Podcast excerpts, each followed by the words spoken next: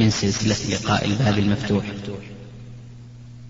يوم الخميس التاسع من شهر محرم. ونسأل الله سبحانه وتعالى أن يجعلها جلسة مباركة وموفقة.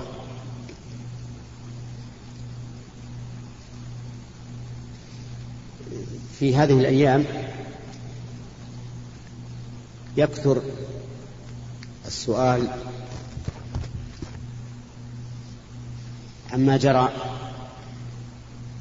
على جمهورية البوسنة والهرسك وهل يعتبر الدفاع عنهم جهادا في سبيل الله؟ وهل يجب علينا أن نساعدهم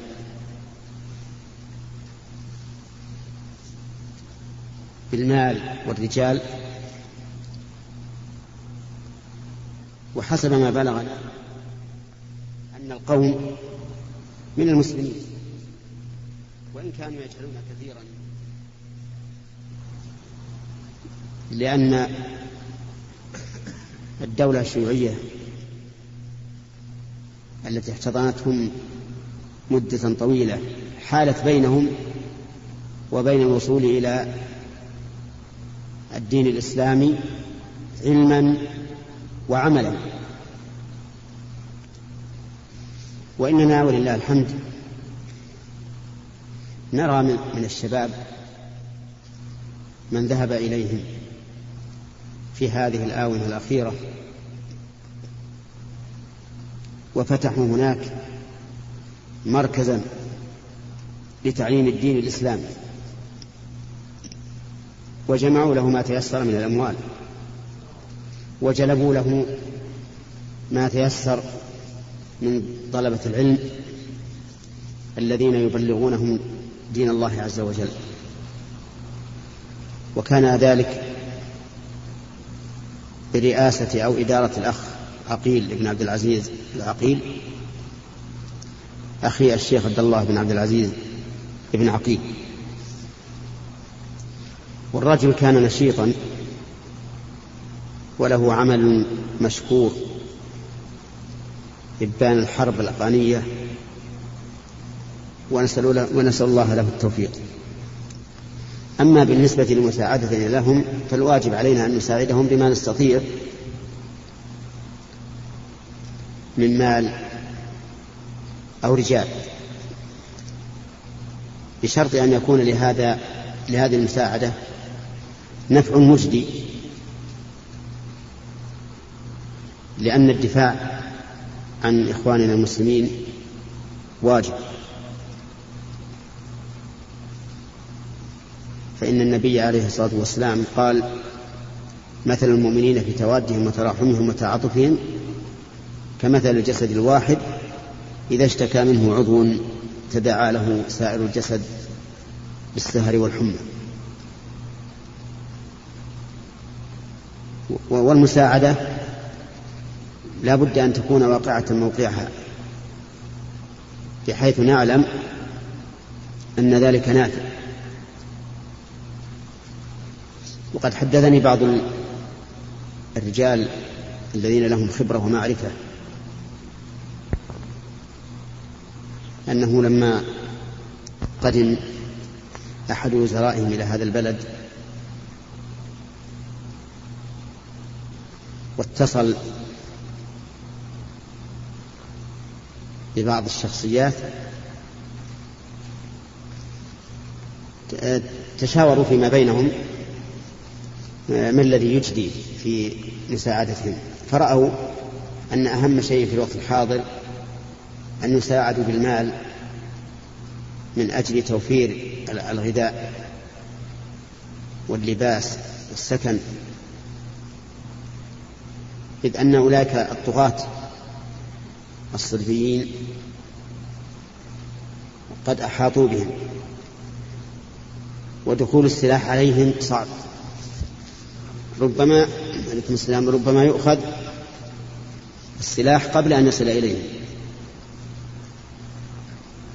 وربما يشترون السلاح بثمن غالي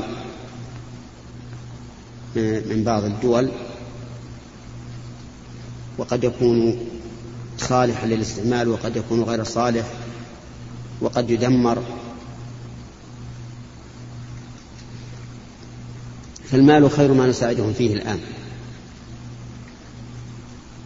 والإنسان يبذل ما يستطيع ويتيسر له في هذا.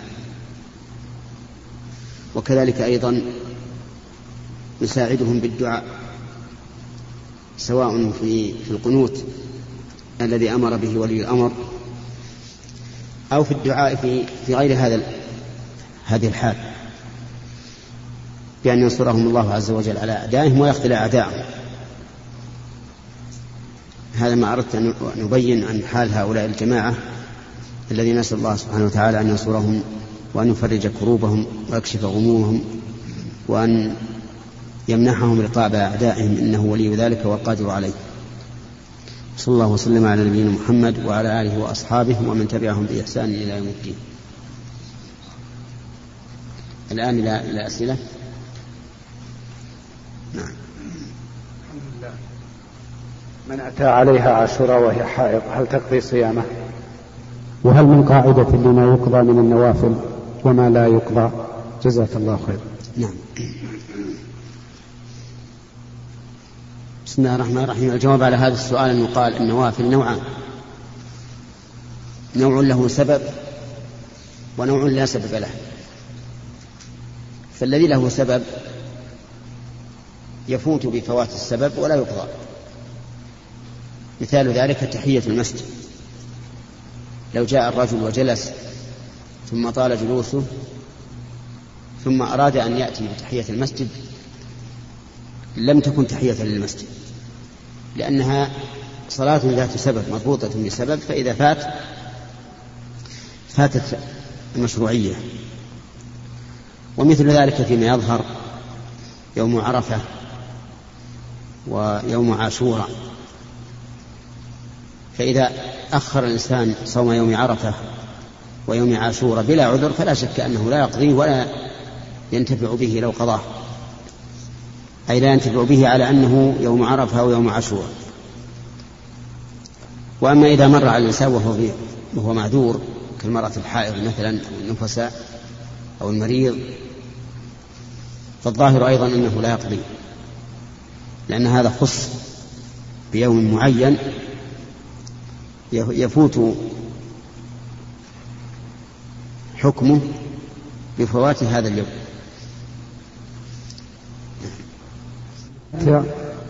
تحلل من عمرته بعدما طاف وسعى ولم يحلق ولم يقصر ثم أحرم بالحج. ماذا يلزمه؟ جزاك الله. الظاهر لي أنه باق على تمتعه ولكنه يلزمه لترك الحلق أو التقصير يلزمه فدية بناء على ما هو مشهور عند الفقهاء. من أن ترك الواجب تلزم فيه الفدية. فإذا كان موسرا قادرا وجب عليه أن يذبح الفدية في مكة توزع كلها على الفقراء. وإن لم يكن قادرا فلا شيء عليه. أما النسك فهو تمتع لأن هذه هي نيته. نعم. الضابط المذكور من فعل اثنين من ثلاثة. هل هو مضطرد؟ يقول الفقهاء رحمهم الله إن التحلل الأول يحصل بفعل اثنين من ثلاثة وهي رمي جمرة العقبة يوم العيد والحلقة والتقصير والطواف ولكن لم ترد في ذلك سنة عن النبي صلى الله عليه وآله وسلم وإنما الوارد في الرمي أن من رمى وحلق حل التحلل الأول أو من رمى فقط. فمن العلماء من قال إن التحلل يحصل برمي جمرة العقبة فقط وإن لم يحلق أو يقصر ومنهم من قال لا بد من الحلق والتقصير مع الرمي وهذا القول أحوط وأولى أن يؤخذ به. لكن الفقهاء يعللون ما قالوه بأنه لما كان للطواف تأثير في التحلل الثاني صار له تأثير في التحلل الأول. فإذا رمى وطاف حل التحلل الأول. وإذا حلق وطاف حل التحلل الأول. ثلاثين بسم الله. من أحرم بالحج مفردا وقيل له يفسخ حجه إلى العمرة. وقيل له؟ وقيل له يفسخ حجه إلى العمرة ولم يفسخ. نعم. الصحيح أن الأنساك الثلاثة وهي التمتع والإفراد والقران كلها جائزة. وأن الإنسان مخير فيها لكن الأفضل التمتع. إلا إذا ساق الهدي فإنه يقضي لتعذر حله لقول النبي عليه الصلاة والسلام إن معي الهدي فلا أحل حتى أنحر. فإذا قيل لهذا الرجل المفرد افسخ نية الإفراد إلى تمتع يعني اجعل حجك عمرة وتحلل منه ثم أحرم بالحج في اليوم الثامن من ذي الحجة. ولكنه أبى إلا أن يبقى على إحرامه فلا بأس. فإذا كان هذا الرجل المفرد الذي قيل له اجعلها عمرة لتكون متمتعا أبى إلا أن يبقى مثلك فلا حرج عليه. نعم. بسم الله الرحمن الرحيم. فضيلة الشيخ إذا اجتمع قضى واجب نعم. إذا اجتمع قضى واجب ومستحب ووافق وقت مستحب. يجوز للإنسان يفعل المستحب ويجعل قضى الواجب فيما بعد ولا يبدل الواجب أولا. مثاله؟ مثاله يوم عاشوراء ويوم وافق قضى من رمضان. بالنسبة للصيام الفريضة والنافلة لا شك أنه من المشروع والمعقول أن يبدأ بالفريضة قبل النافلة لأن الفريضة دين واجب عليه والنافلة التطوع إن تيسرت وإلا فلا حرج. وعلى هذا فنقول لمن عليه قضاء من رمضان اقضي ما عليك قبل أن تتطوع. فإن تطوع قبل أن يقضي ما عليه فالصحيح أنه أن صيامه التطوع صحيح. ما دام في الوقت سعة لأن قضاء رمضان يمتد إلى أن يكون بين الرجل وبين رمضان الثاني مقدار ما عليه. فما دام الأمر موسعا فالنفل جائز. كصلاة الفريضة مثلا إذا صلى الإنسان تطوعا قبل الفريضة مع ساعة الوقت. كان جائزا فمن صام عرفة يوم عرفة يوم عرفة أو يوم عاشوراء وعليه قضاء من رمضان فصيامه صحيح. لكن لو نوى أن يصوم هذا اليوم عن قضاء رمضان حصل له الأجران أجر يوم عرفة وأجر يوم عاشوراء مع مع أجر القضاء. هذا بالنسبة لصوم التطوع المطلق الذي لا يرتبط برمضان. أما صيام ستة أيام من شوال فإنها مرتبطة برمضان ولا تكون إلا بعد قضائه فلو صامها قبل القضاء لم يحصل على أجرها لقول النبي صلى الله عليه وآله وسلم من صام رمضان ثم أتبعه بست من شوال فكأنما صام الدهر. ومعلوم أن من عليه قضاء فإنه لا يقال صام رمضان حتى يكمل القضاء.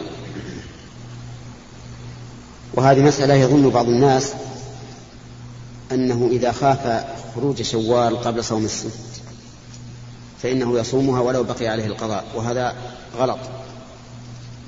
فإنها هذه الستة لا تصام إلا إذا أكمل الإنسان ما عليه من رمضان.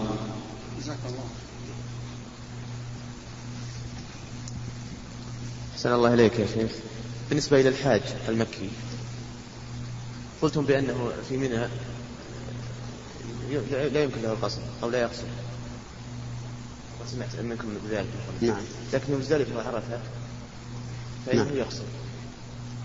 ما نعم التعليل في ذلك. إي نعم. أما بالنسبة للمكي إذا حج فإن العلماء الذين يقدرون السفر بالمسافة لا يرون له جمعا ولا قصرا. كالإمام أحمد والشافعي ولهذا لا يجوزون للحاج المكي أن يقصر أو يجمع حتى فيما سبق من الزمن. لكن القول الراجح أن السفر لا يتقيد بالمسافة وإنما يتقيد بالعرف والتأهب له فمتى أهب الناس له وشدوا الرحل إليه فهو سفر. وعلى هذا وعلى هذا القول فإنه يجوز للمكي أن يقصر ويجمع إذا حج. ويدل لهذا أن النبي صلى الله عليه وآله وسلم قد حج معه أهل مكة ولم يأمرهم بالإتمام. ولما فتح مكة وصار يصلي بهم في مكة كان يأمرهم بالإتمام. ويقول أتموا يا أهل مكة فإنها قوم صف وعلى هذا فنقول إن مذهب الإمام أحمد على المشهور عنه والشافعي أن المكيين لا يجمعون ولا يقصرون لا في منى ولا في عرفة ولا في مزدلفة. وأما على القول الثاني الذي رجحناه فإن الإنسان إذا كان في مزدلفة وفي عرفة يكون في مكان منفصل عن مكة. فيترخص برخص السفر. أما إذا كان في منى فإنكم كما تعلمون أن منى في الوقت الحاضر صارت كأنها حي من أحياء مكة. فلهذا نرى أن الاحتياط لا يجمع ولا يقصر في منى. مع أنه لا جمع في منى حتى لغير المكيين. إذ أن منى السنة فيها لغير المكيين القصر بدون جمع. نعم. لكن في مزدلفة وعرفة. الآن أما في مزدلفة وعرفة فهي منفصلة كما قلت لك أولا. منفصلة عن مكة. يعني لم تتصل بنا. لكن الآن شو الاتصال؟ حسب ما رأيت أنه لم يتصل. يعني الآن تكاد تصل. ما ما ما تصل يعني حي ملاصق بمزدلفة قالوا هذا يعني ما في بين حوالي 200 متر حسب يعني كلام أهل مكة. ما, ما رأيت على كل حال لو فرض مكة كبرت في المستقبل. وصارت مزدلفة منها كمنى الحكم واحد. الله عنك يا شيخ في مقولة أرحام تدفع وأرض تبلع نعم. ما أدري عن المصدر الشرعي فيها وإلى من توصل والله على كل حال هذه المقولة إذا قال إن الدنيا أرحام تدفع وأرض تبلع وليس وراء ذلك شيء فهذا قول أهل الدهر الذين يقولون ما هي إلا حياتنا الدنيا ونموت ونحيا وما يهلكنا إلا الدهر.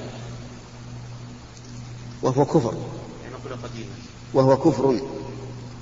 لأنه إنكار للبعث. وأما من قال أرحام تدفع وأرض تبلع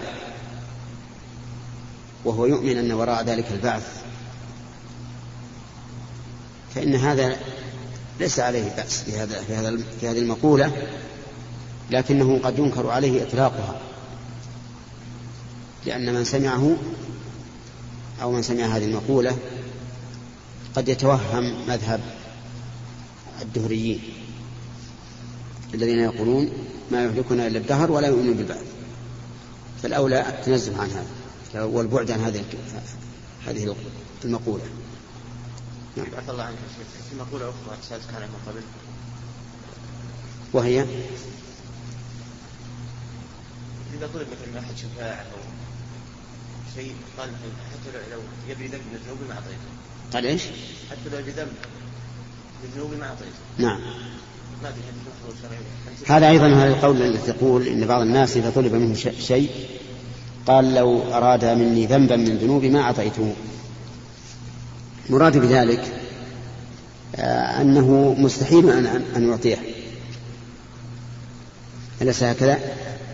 مستحيل أن يعطيه لكن كان الأمر بالعكس أن يقول لو أراد مني من حسنات شيء ما أعطيته. أما الذنوب كل أحد يحب أن يتحمل عنه الإنسان ذنبه. وعلى كل حال فالمسألة مفهومة عند العامة. أن المراد بها امتناع أن أعطي هذا هذا الشخص ما طلب مني. لا أرى فيها محذورا نعم. ما فيها.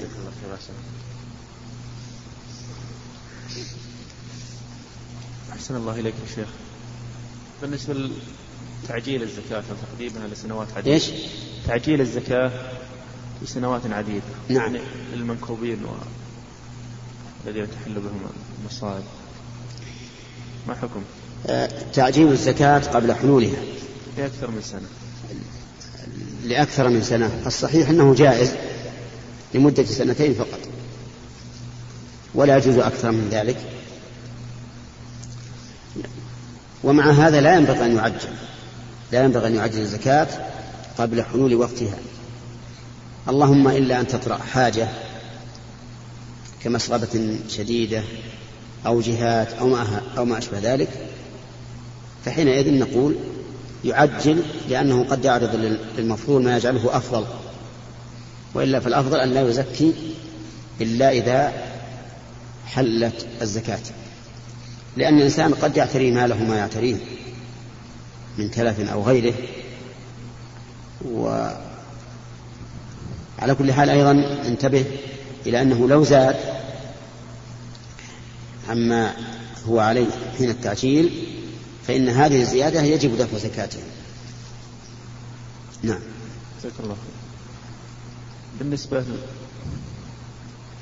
بعض الموظفين تنتهي أعمالهم مثل المدرسين الآن. تنتهي أعمالهم؟ يسمح لهم المدير المباشر يعني إذا خرجت النتائج يسمح لهم المدير بعدم الإتيان إلى المدرسة إلى المدرسة؟ نعم مم. هل يحق لهم مثل إيش؟ يعني مثلا عنده ثلاث حصص لا لا في الاختبارات أقصد.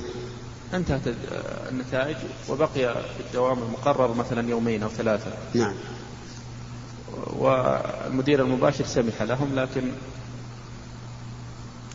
الظاهر أنه يعني تسأل تقول إذا انتهى الزمن زمن العمل عمل الموظف وأذن له رئيس المباشر بعدم الحضور فالظاهر لي أن هذا لا بأس به. لكن لا يغيب عن البلد لأنه ربما يحتاج إليه. فإذا كان الأمر كما قلت مثلا انتهت أيام الاختبار في نصف الأسبوع. وبقي النصف الآخر قبل الإجازة نصف الأسبوع الآخر قبل الإجازة. فإذا رأى المدير المباشر أن لا يلزم الأساتذة بالحضور فلا حرج. ولكن لا لا يغادرون البلد لأنه ربما يحتاجون إليه في إعادة النظر في بعض الأجوبة أو ما أشبه هذا إذا يعني أمكن الاتصال بهم عن طريق الهاتف لو غادروا البلد. ما يمكن في في مسألة الجواب. يعني لأن لأن الرجل قد لا يقتنع برأي غيره. مثل لو قالوا هذا الجواب يحتاج إلى زيادة درجة أو درجتين فإنه ربما لا لا يقتنع بذلك حتى يقرأه مرة ثانية ويكرره. أقصد يطلب منه الحضور يعني. آه. عن طريق الهاتف. إذا كان يمكن فلا بأس. في بعض المساجد يا شيخ يكثر الأجانب الذين يتكلمون. أثناء خطبة الجمعة نعم. كثير من الأجانب يتكلمون. نعم. هل يحق للخطيب المداومة على التنبيه عليهم؟ لأنهم يتغيرون. نعم. إذا كثر الذين يتكلمون أثناء الخطبة يوم الجمعة فإن الخطيب نفسه يتكلم. يقول بلغنا أن أناسا يتكلمون. وهذا حرام عليهم ويأتي بالحديث الدال على ذلك. ولكن المشكلة أنه ربما يقع الكلام من قوم لا يفهمون اللغة العربية. فتقع المشكلة. وحينئذ لا بأس أن يشير من حولهم أن يشير لهم بالإشارة ليسكتهم. لا بالقول. لأن تسكيتهم بالقول محرم لقول النبي عليه الصلاة والسلام إذا قلت لصاحبك أنصت يوم الجمعة والإمام يخطب فقد لغوت نعم. جزاك الله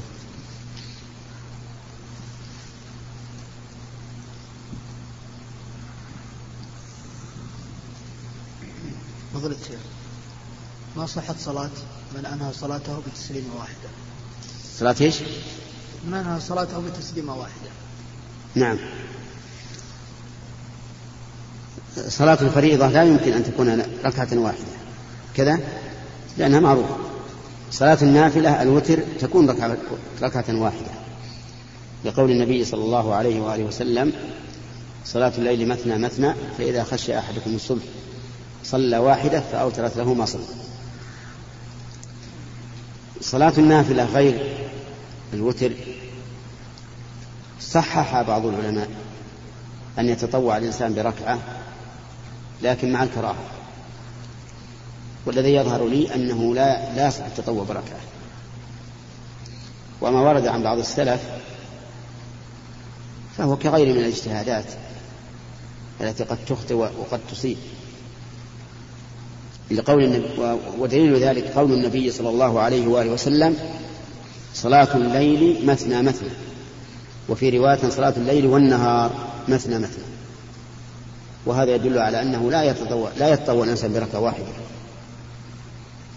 نعم. وإنهاء الصلاة بتسليمة واحدة. كيف؟ يعني الاقتصار على تسليمة واحدة. الاقتصار على تسليمة واحدة يرى بعض العلماء جوازها في النافلة فقط ويرى آخرون جوازها في الفرض والنفل. والصحيح أنه لا يجوز الاقتصار عليها لا في الفريضة ولا في النافلة. وأن الواجب أن يسلم مرتين. لأن النبي صلى الله عليه وآله وسلم كان يسلم من الصلاة مرتين ويقول صلوا كما رأيتموني أصلي. فكون النبي صلى الله عليه وآله وسلم يواظب على التسليمتين يدل على أنه لا بد منهما وهذا هو المشهور عند علماء الحنابلة رحمهم الله. الله عليك يا شيخ. ما أدري قراءة الفاتحة في الصلاة الجهرية نعم. قراءة الفاتحة في الصلاة الجهرية خلف الإمام إذا قرأ الإمام وشرع في السورة هل أقرأ الفاتحة؟ قراءة الفاتحة في في الصلاة ركن لا تصح إلا بها والأدلة عامة ليس فيها استثناء فتكون ركنا في حق الإمام والمأموم والمنفرد وفي الصلاة السرية والجهرية.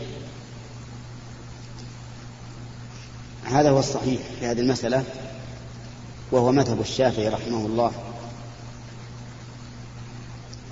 ودليل ذلك عموم قول النبي صلى الله عليه وآله وسلم لا صلاة لمن لم يقرأ بفاتحة الكتاب. وأما حديث من كان له إمام فقراءة الإمام له قراءة فحديث مرسل ضعيف. وقد يقول قائل الجهرية لا تجب فيها القراءة على المأموم لقول النبي صلى الله عليه وآله وسلم وإذا قرأ القرآن فاستمعوا له وأنصتوا لعلكم ترحمون. وكما أن الإمام يتحمل عن المأموم السترة التي توضع بين يديه فكذلك يتحمل عنه القراءة إذا كانت الصلاة جهرية فالجواب أن هذا قول جيد لولا حديث عبادة بن الصامت رضي الله عنه أن النبي صلى الله عليه وآله وسلم صلى بهم الفجر. فلما انفتل من صلاته قال لعلكم تقرؤون خلف إمامكم؟ قالوا نعم. قال لا تفعلوا إلا بأم القرآن فإنه لا صلاة لمن لم يقرأ بها. فإن هذا نص في أن قراءة الفاتحة واجبة على المأموم وإن كان في الصلاة الجهرية فإذا فرغ الإمام من قراءة الفاتحة فاشرع في قراءة الفاتحة واستمر فيها حتى تكملها ولو كان ولو شرع الإنسان الإمام في القراءة في أثناء قراءته فلا حرج. نعم.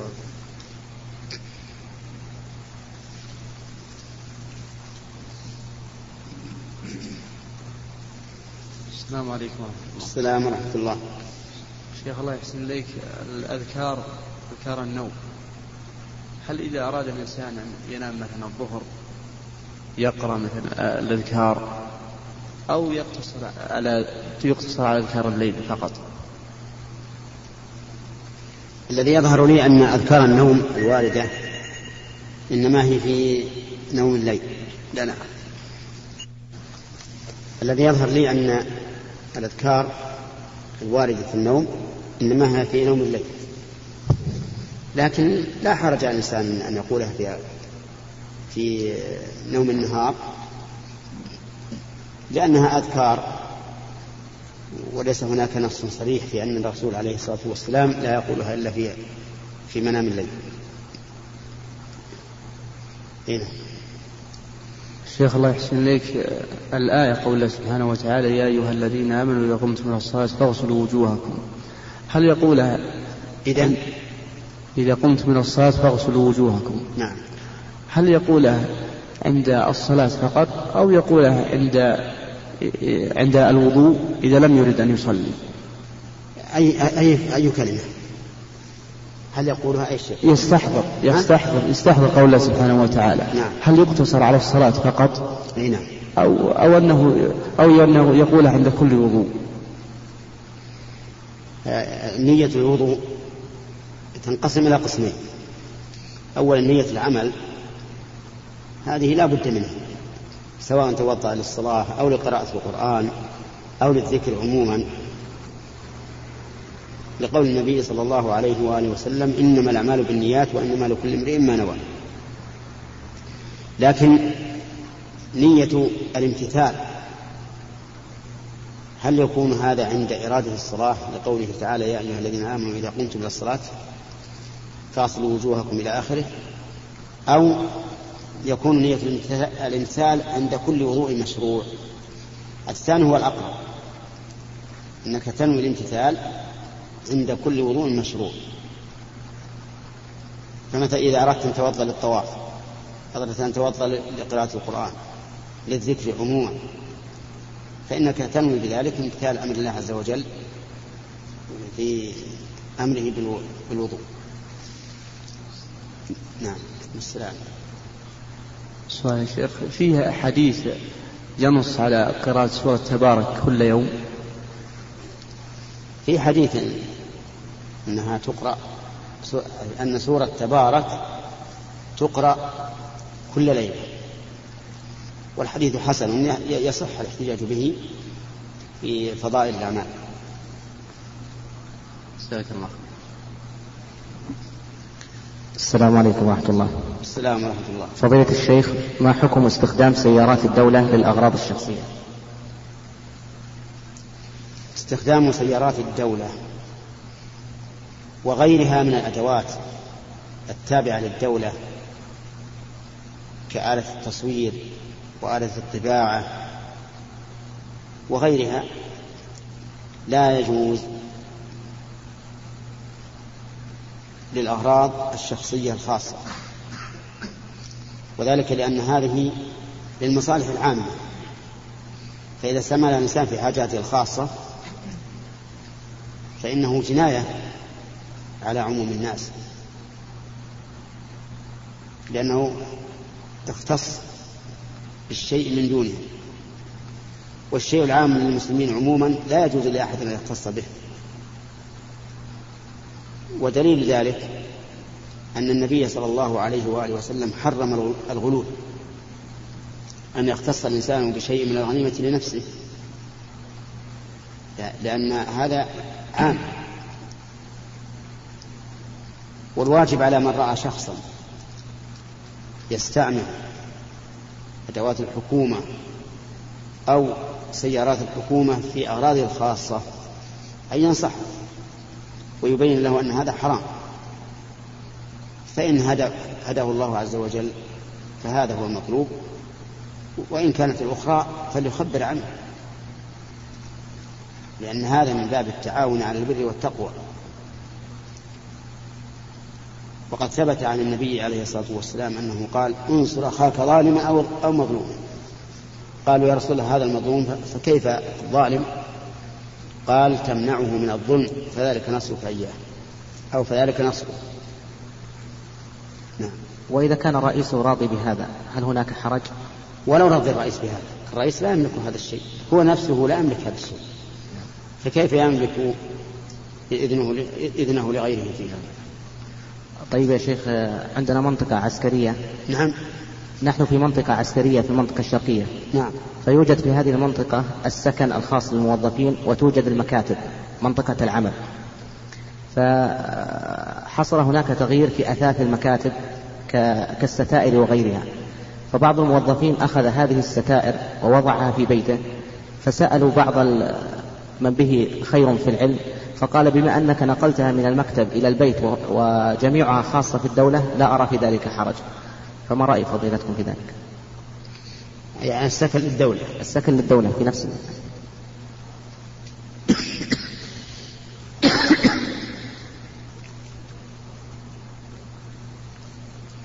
لكن هذا هذه الستائر سينتفع بها الإنسان خاصة بخاصته.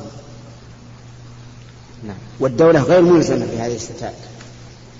أما إذا كانت الدولة ملزمة بهذه الستائر بمعنى أنه لا يتم السكن والراحة إلا بهذه الستائر لكن حصل قصور من الدولة أو ليس هناك بند للستائر وأنه من المفروض عادة أن تكون الستائر على البيت. فحينئذ نقول لا بأس بذلك. لا بأس بذلك. بشرط أن يكون المبنى الأول مبنى المكاتب مستغنيا عنه. نعم هو مستغني المبنى. نعم. طيب يا شيخ خطب رجل امرأة فرأته في المنام حالق اللحية. إيش؟ خطب رجل امرأة نعم. فرأته في المنام حالق اللحية. نعم. فهل توافق عليه أم لا؟ وهو في اليقظة. وهو باليقظة ظاهره الطيب. لم يحلق اللحية. لم يحلق اللحية وهو شخص ملتزم ولا يزكاها هذه المرأة التي رأت الرجل الذي خطبها في المنام حالق اللحية وهو في الواقع ليس بحالق لها لا يضرها ما رأت في المنام ولا ولا ينبغي أن يمنعها من التزوج به ما دام مستقيما في دينه وخلقه. نعم. جزاك الله خير. فضيلة الشيخ جزاك الله خير. نعم. جزاك الله خيرا. هل التسمية على الوضوء واجبة؟ التسمية على الوضوء من صحح الحديث فيها وهو قول النبي صلى الله عليه وآله وسلم لا وضوء لمن لم يذكر اسم الله عليه فإنها تكون واجبة. ولا يصح الوضوء إلا بها. ومن لم يصحح فإنه لا يرى وجوب التسمية. وقد قال الإمام أحمد رحمه الله عن هذا الحديث قال لا يثبت في هذا الباب شيء. فإذا كان لم يثبت فيه شيء فالأصل براءة الذمة. ولكن الأفضل أن نسمي أن نسمي احتياطا. فلو ترك التسمية ولو عمدا فوضوءه صحيح. نعم. ما حكم الصلاة على النافلة في الحضر؟ على إيش؟ على على الر- على الراحلة. حكم الصلاة على الراحلة في الحضر. في الحر؟ في الحضر. إيه. الصلاة على الراحلة إن كانت فريضة فإنها لا تصح. لا في الحضر ولا في السفر إلا للضرورة. مثل أن تكون ال- السماء تمطر والأرض مبتلة لا يمكنهم النزول عليها والسجود عليها. وأما النافلة فإنها تجوز في السفر خاصة على الراحلة لأن النبي صلى الله عليه وآله وسلم كان يصلي النافلة على راحلته حيث ما توجهت به. وأما في الحضر فلا يجوز. نعم شيخ ما رايك في قول بعض الناس يا لطف الله يا وجه الله. إيش؟ يا لطف الله. يا إيش؟ يا لطف الله. نعم. يا وجه الله. نعم. إذا قال يا لطف الله فقط. ولم يقل الطف بي فلا حرج. لأن يا هنا للتمني. يعني أتمنى لطف الله. وأما إذا قال يا وجه الله فهو يريد فهو يريد يريد الله عز وجل لأن الله يعبر بوجهه عن ذاته. كما قال تعالى ويبقى وجه ربك ذو الجلال والإكرام. فالمهم أن الوجه لما كان يعبر به عن الذات مع ثبوت الوجه حقيقة صح أن يقول يا وجه الله يعني يدعو الله عز وجل. وأما اللطف فهو صفة معنوية. إذا كان يقتصر على قوله يا لطف الله يعني أتمنى لطف الله فهذا لا بأس به. أما إذا دعا الصفة قال يا لطف الله ألطف بي أو اغفر لي فهذا لا يجوز. بل قال الشيخ الإسلام رحمه الله إن دعاء صفة من صفات الله كفر بالاتفاق. نعم. الله إليك هل يؤخذ ضعيف وتصحيح علماء الحديث المتأخرين رغم أنه سبقهم يعني من هو أكثر علما وورعا وأكثر حفظا نعم. هل يؤخذ تضعيف وتصحيح علماء الحديث المتأخرين نعم. رغم أنه سبق سبقهم من هو أكثر منهم حفظا وعلما وورعا يعني معناها أن تعارض تصحيح المتأخرين وال... طيب. إذا تعارض في حديث تصحيح المتقدمين والمتأخرين. بمعنى أن الأولين صححوه والمتأخرين ضعفوه. أو بالعكس. فإن الإنسان الذي عنده مقدرة وتمييز بين هذا هذا وهذا يستعمل مقدرته. وينظر أيهما أصح وأيهما أولى بالأخذ وسيتبين له لأنه عنده علم. وأما من ليس كذلك فليأخذ بتصحيح الأولين أو تضعيف الأولين لأنهم أقرب إلى الصواب من المتأخرين.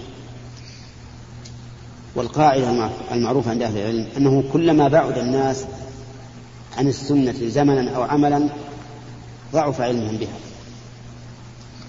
ف... فهذه هذا هو التفصيل. من كان يعرف كيف يرجح هذا على هذا فليرجح ما رآه أرجح. ومن كان لا لا يعرف فليأخذ بأقوال الأولين. نعم. يا شيخ رجل خطب امرأة وهذه المرأة يعرف شخص عنها أنها فيها عيب خلقي. أنها فيها عيب خلقي. خلقي ولا خلقي؟ لا خلقي. ولكن هذا العيب مستتر ليس بي يعني بين. وهذا العيب يرجى براءه كالبرص والذهب يرجى إيش؟ يرجى براءه يعني كالبرص والذهب نعم. فهل يعني يخبر الخاطب؟ وهذا ليس بين للخاطب. ويعني شيء مستتر نعم. إذا خطب الإنسان امرأة وفيها عيب مستتر ومن الناس من يعلمه فإن سأله الخاطب عنها وجب عليه البيان وهذا واضح. وإن لم يسأله فإنه يخبره يخبره بذلك لأن هذا من باب النصيحة.